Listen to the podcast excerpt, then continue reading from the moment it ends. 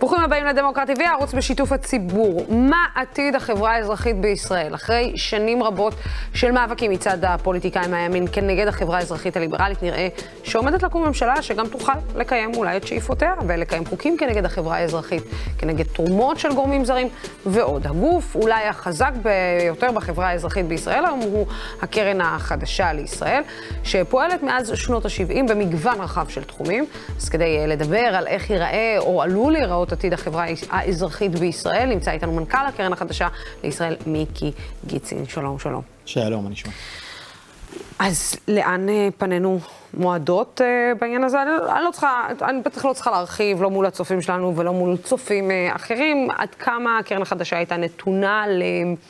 אפילו לא רק להתקפות, אלא ממש לוח מטרה שהיה מכוון נכון. לעברה חצים, שונאי ישראל, אלו שמשפיעים על תוצאות הבחירות, ש... אה, אה, עיתונאים שהם... שלל המצאות ו... כן, כן, עמותות השמאל, שכמובן כן. מסיעות באוטובוסים וכו'. ישנו חשש? תראה, אני חושב שהסוגיה היא הרבה יותר, היא לא רק אנחנו הקרן בתור הקרן, או ארגונים כאלה או אחרים. בסופו של דבר, כפי שאנחנו מנתחים היום את המציאות הפוליטית והאזרחית בישראל, בעצם החברה האזרחית, אותם עמותות, ארגונים, פעילים, אנשים שאנחנו מכירים אותם ממחאות, מהפגנות, מעזרה לחלשים, זה מי שנשאר אה, באופן אפקטיבי לעבוד אה, נגד דברים שהממשלה הזאת מתכננת. ולכן יש סיכוי סביר, אה, זאת אופציה ריאלית, שינסו לצמצם את המרחב של אותם התארגנויות וארגונים אה, להתנגד לממשלה, אנחנו מכירים את זה במקומות אחרים בעולם, זה נעשה באופן אה, די אפקטיבי בהונגריה, בפולין, בברזיל, ולכן ודאי שזאת אופציה ריאלית. אני חושב במקביל אבל, ותוצאות הבחירות גם על זה מעידות, שבעצם הציבור הישראלי היום מפוצל בצורה כמעט חצי חצי, והממשלה המאוד מונוליטית, חד ערכית הזאת של, של נתניהו שאמורה לקום, השאירה ציבור גדול מאוד בתחושה שהוא לא מיוצג ושהוא לא חלק מה, מהדיון הפוליטי בישראל, ולכן המחויבות של אותם אנשים שבניגוד לתדמית שמנסים לייצר להם, מאוד מאוד מחויבים למקום הזה ולבית שלנו, הם יהיו הרבה יותר הם, במוטיבציה גבוהה להילחם על המקום הזה. אני חושב שזה יהיה הרבה יותר קשה במובן הזה, בגלל שמול ארגון, מול קרן, מול כסף אפשר להיאבק, מול אנשים שבסופו של דבר רואים את עצמם במאבק על המשך החיים שלהם בבית שלהם. אי אפשר. מיקי, אתה יודע, אם בחשבון נפש עסקינן אה, בחברה הישראלית לאחרונה, וכל מחנה לוקח לעצמו איזשהו רגע, שנייה, mm-hmm. פסק זמן של חשבון נפש, האם החברה האזרחית בישראל, האם העמותות, האם הקרנות למיניהן צריכות גם לעשות איזשהו חשבון נפש עם עצמן, אה, מתוך המקום של אולי המלחמה בארגוני ימין כאלו ואחרים, אולי המלחמה כנגד נתניהו, אולי המלחמה כאולי התערבות פוליטית כזאת או אחרת, אה, אולי צעקות הגבעה, אולי הם נלקחו צעד אחד קדימה מדי ולא צפו שמהצד השני יבוא כזה הדף. אני רוצה להגיד שוודאי שצריך לעשות תמיד חשבון נפש, אני חושב. אה, אנחנו לא מצאנו את עצמנו, אני חושב, אני חושב שאנחנו גם, גם ברעיונות קודמים שנתתי בדמוקרטיה ובמקומות אחרים, כולל ביקורות שקיבלנו מעיתונאים כמו אורי משגב וכולי, לא הלכנו למאבק האישי הזה נגד נתניהו, שמרנו את המאבק שלנו בתוך המרחב הערכי, ואני אומר את זה פה, ידענו לעבוד עם ממשלות שמתנגדות לערכים שלנו וכאלה ש... תומכות בערכים שלנו, וגם הממשלה הקודמת, על אף שהיה יותר קל לעבוד איתה, כי היינו, הכרנו יותר אנשים וכולי, גם שם היו לנו מאבקים. אבל אם מדברים על, על חשבון נפש, כן, יש חשבון נפש משמעותי שצריך לייצר. אה, והשאלה הגדולה היא בעצם, האם אנחנו, מעבר למחויבות הערכית שלנו, הצלחנו והשקענו מספיק בבניית תנועה החברתית הפוליטית הרחבה שעומדת מאחורי סל הערכים שלנו. זאת אומרת, לא ההישגים הקונקרטיים שהושגו בבית המשפט העליון, או לא ב- ביכולת לקדם חקיקה כזו או אחרת בכנסת, אלא האם הצלחנו להקים תנועה שעומדת מאחורי הערכים שלנו? האם העולם הערכים שלנו עבר במערכות החינוך, במנגנוני... אה, אה, במנגנונים של הרשתות החברתיות, זאת אומרת, אם בעצם ההצלחות הקונקרטיות שלנו הניבו פה תנועה, ופה אני כן, חושב שהתשובה היא חלקית ביותר, העדפנו את ההצלחות המיידיות, את ההישגים הקונקרטיים, על אה, ההשקעה הרחבה בדבר הזה. אני אגיד לך גם מה ההרגשה שלי. ההרגשה שלי שההצלחות הקונקרטיות, ההישגים הקונקרטיים והמיידיים, למשל בבית המשפט, למשל עניינים מסוימים, נראו מנותקים מאוד לחלק גדול מהציבור הישראלי. זאת אומרת שלא דיברו אליהם ביום-יום, שלא אה, נכנסו לחייהם, אה, אם זה... זאת אומרת, מעין שיח מיו, מנותק, אה, ש... מאשימים תמיד את המרכז-שמאל בשיח הזה. תראה... שהוא... והציבור בסופו של דבר... אה... אני, אני מבין, אני מבין, יותר מזה, גם הטענה תמיד ש, שעובדים, זאת אומרת שאותם אה, מהלכים, הם תומכים דווקא בקבוצות המוחלשות ביותר. ברור, אבל הן לא מקשיבות למה שבעצם... לא, אני מדבר אפילו, זאת אומרת, ברור שזה, כשזה מבקשי מקלט או שזה פלסטינים, אז אתם שוב לא נגד, אתם לא בעד כאילו, הרוב. איך זה יכול להיות שאתם אני, אני, אני, אני אגיד את זה בשפת, ה, בשפת העם. איך זה יכול להיות שאתם בעד ערבים ובעד מסתננים, אבל אתם לא בעד uh, התושבים זה, של דרום תל אביב? אבל, אבל זה בדיוק... אתם לא בעדנו, אתם לא בעד uh, מה, ש, uh, מה שאנחנו, את, ה, את העוול שאנחנו עוברים. אז, אז זה בדיוק העניין, אני חושב שזה, שזה עניין מיתוגי יותר מאשר כל דבר אחר. רק עכשיו, רק עכשיו הייתה פסיקת בג"ץ במענה לעתירה של, של האגודה לזכויות האזרח, שתמנע ניתוקים של מאות אלפי אנשים מחשמל בגלל חובות. זאת אומרת, הוצאה לפועל, תמנע הוצאה לפועל. אחד הדברים הכי בסיסיים שמשאירים אנשים בעוני ללא חשמל בעידן המודרני. זה פסיקה של האגודה לזכויות האזרח. אגב, אותה, אותו ארגון שבסופו של דבר, אחת המטרות של הממשלה הזו זה למנוע את היכולת שלו לעתור לבית המשפט בתור עותר ייצוגי. כן. אבל זה נכון את צודקת בתודעה, בוודאי, ויותר חמור מזה, אני חושב, אנחנו לא השקענו מספיק בבניית אותו כוח שהיה אמור לבסס את, אה, את אותן הכרעות בבית המשפט. כי הרי בואו נודה על האמת, 90 ומשהו אחוז מהכרעות בית המשפט הולכות בקו ישיר עם המדינה, גם במקומות שפוגעים באוכלוסייה החלשות ביותר, בטח שמדובר בפלסטינים אה, מעבר לקו הירוק, בטח שמדובר במבקשי מקלט, בטח שמדובר בערבים אזרחי ישראל, זאת אומרת, הפסיקות הן לצורך העניין, הן לא טובות למחנה. בטח פוגעות באנשים בפריפריה, כן. בטח שהן פוגעות באנשים אה, שהם עניים, בטח שהן פוגעות... חד משמעית, זה מרחב ליברלי, ולכן אני, אני לא רוצה לנהל מאבק על בית המשפט, אני רוצה לנהל מאבק על זכויות האדם, אני רוצה לנהל מאבק על איך בעצם משמרים כוח. אבל האנשים שאתה אמור לנהל בעבורם את המאבק, תומכים בפסקת ההתגברות. זאת אומרת, אותו, אותה אני... אוכלוסייה שאתה מבקש, אתה אומר לה, אני באה להגן עלייך, אני, אני המלחמה שלי בשבילך. הם אותם אנשים שבחרו בנציגי ציבור שהמטרה, אחת המטרות החשובות שלהם זה להחליש את בית המשפט העליון, שהוא בעצם הבורר האחרון בכל מה שקשור כן. לזכויות אדם, זה פסקת ההתגברות, זה החלשת האיזונים והבלמים. אני חושב, ש... אני חושב שזה... שזה... זה לא רק אובדן דרך, זה פספוס גדול של, כאילו, זה נ"ט שפגע בכם, ואז כאילו... אבל אני חושב שזה, אני חושב שזה, תשמעי, אני חושב שזו תופעה שלא קורית פה, רק פה היא קורית בכל רחבי העולם. בעצם יש לה איזשהו ניתוק בין, בין אה, הגופים הליברליים לבין, לבין השכבות המוחלשות, שנובע מהרבה מאוד סיבות. אחת, מי, מי הם אותם ארגונים, אה, שתיים, אה, היכולת של, שלך, וזה קורה לא רק פה, להגיד, אה, אתה אין לך מספיק, כי יש מישהו אחר שלוקח עבורך, וכאשר התודעה האמיתית היא, כשיש יותר, יש יותר לכולם. אבל אני חושב, זה בדיוק חוזר לאותה נקודה, התפקיד שלנו, ושם אנחנו הולכים להשקיע הרבה יותר.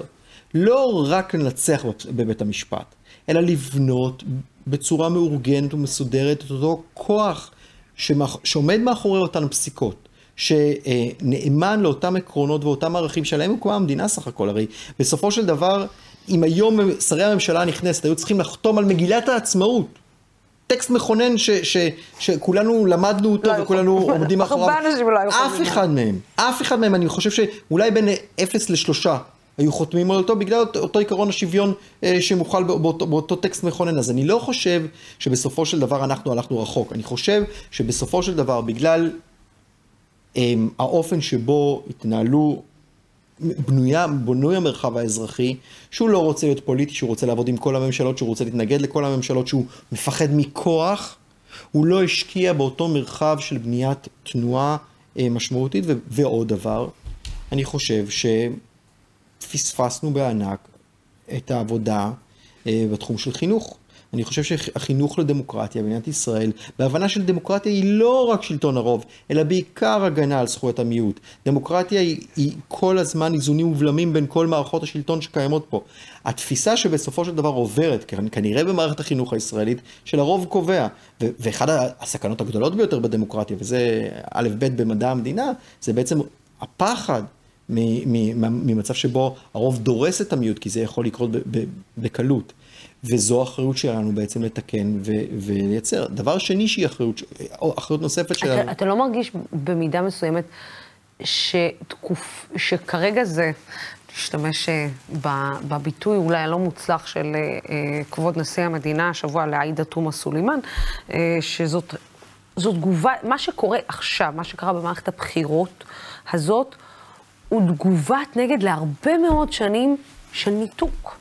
של חוסר הבנת השטח, של uh, מעט אליטיסטיות, אה, נקרא לזה, אה, דיבור לא בגובה העיניים, של לא להבין את הציבור ש... תשמעי, אני, אני לא חושב, תשמעי, אני... בואי אני אגיד לך הכי ב... וזה ברור לי, ואני יודעת מה... אני אגיד לך למה. לא, אני אגיד לך, אני אגיד לך את האמת, בואי, מכמה, מכמה זוויות. אחד מהמקום שממנו אני אישית בא. בסדר, ההורים שלי...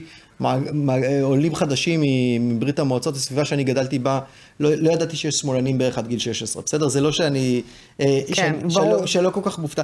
אז ודאי ש, שזה המותג, בסדר? זה, זה המותג ש, שתפס באופן משמעותי. איך תפס המותג הזה? המותג, כאילו, כאילו אם אני לפני כמה שנים, אה, כשהתחיל כל הקמפיין כנגד הקרן החדשה, מצאתי את עצמי רגע אומרת, שנייה, וואלה, אני... וואלה, זה נכון.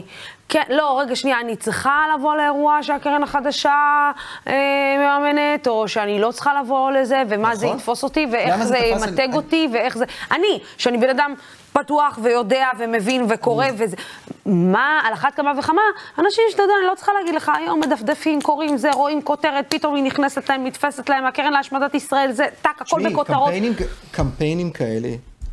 אגב, זה תפס בעיקר, רוב מי שפחד וחשש, זה אנשים בתוך המרחב הליברליים שהיה להם מה להפסיד. כי בסופו של דבר, כשאנחנו עובדים עם דיירי ודיירות דיור ציבורי, או שאנחנו מדברים על פיתוח בריאות בפריפריה, או שאנחנו עובדים עם מועצת הנגב, או שאנחנו מדברים, עובדים עם בעצם האוכלוסיות המוחלשות ביותר, הם לא חושבים פעמיים. אם בימין, במרכז או בשמאל, הם עובדים כי בסופו של דבר אנחנו מי שיש להם שם. זה דבר אחד מאוד חשוב. האלה שהיה להם מה להפסיד, שהיו ב... יגידו עלינו, ישמעו, היו ממש מתוך המרכז הליברלי, שפתאום חששו לעצמם. זה משהו חשוב להגיד. דבר שני, הקמפיינים מהסוג הזה, שיש בהם גם אלמנטים אנטישמיים קלאסיים, של כסף, של מחויבות לכוחות זרים, כל הדברים האלה שהם פשוט לא מבוססים על כלום, אנחנו פילנטרופיה יהודית ש, שבעצם בנתה את המדינה הזאת מראשיתה ועד היום. אבל לא עבדו רק בישראל, הרי המאפיינים האלה של הקמפיינים עבדו גם במקומות אחרים בעולם, כי ישבתי פעם אחת עם פוליטיקאית בכירה שאמרה לי את הדבר הבא, שפעם ראשונה תקפו אתכם, אמרו אתם כאלה, אתם כאלה, אתם כאלה, הלכתי ובדקתי מה התקציב שלכם. כשראיתי מה התקציב שלכם, התחלתי... איך זה יכול להיות שגוף כזה, בסופו של דבר, בסדר גודל בינוני, יכול לשלוט על כל המדינה, זה דבר אחד. דבר שני שהיא אמרה לי, הלכתי לבדוק מה נכון ומה לא נכון, ולא הכרתי בכלל את המונח שהיום אני יודעת להגיד ככה בקלות, פייק ניוז ושקרים והמצאות. זה כל המנגנונים שעבדו פה. כן, אנחנו מחויבים לאוכלוסיות מוחלשות. האוכלוסיות המוחלשות האלה לא רק אוכלוסיות יהודיות, אלא ערביות, מבקשי מקלט וכולי. כן, אנחנו מחוברים אה, היטב.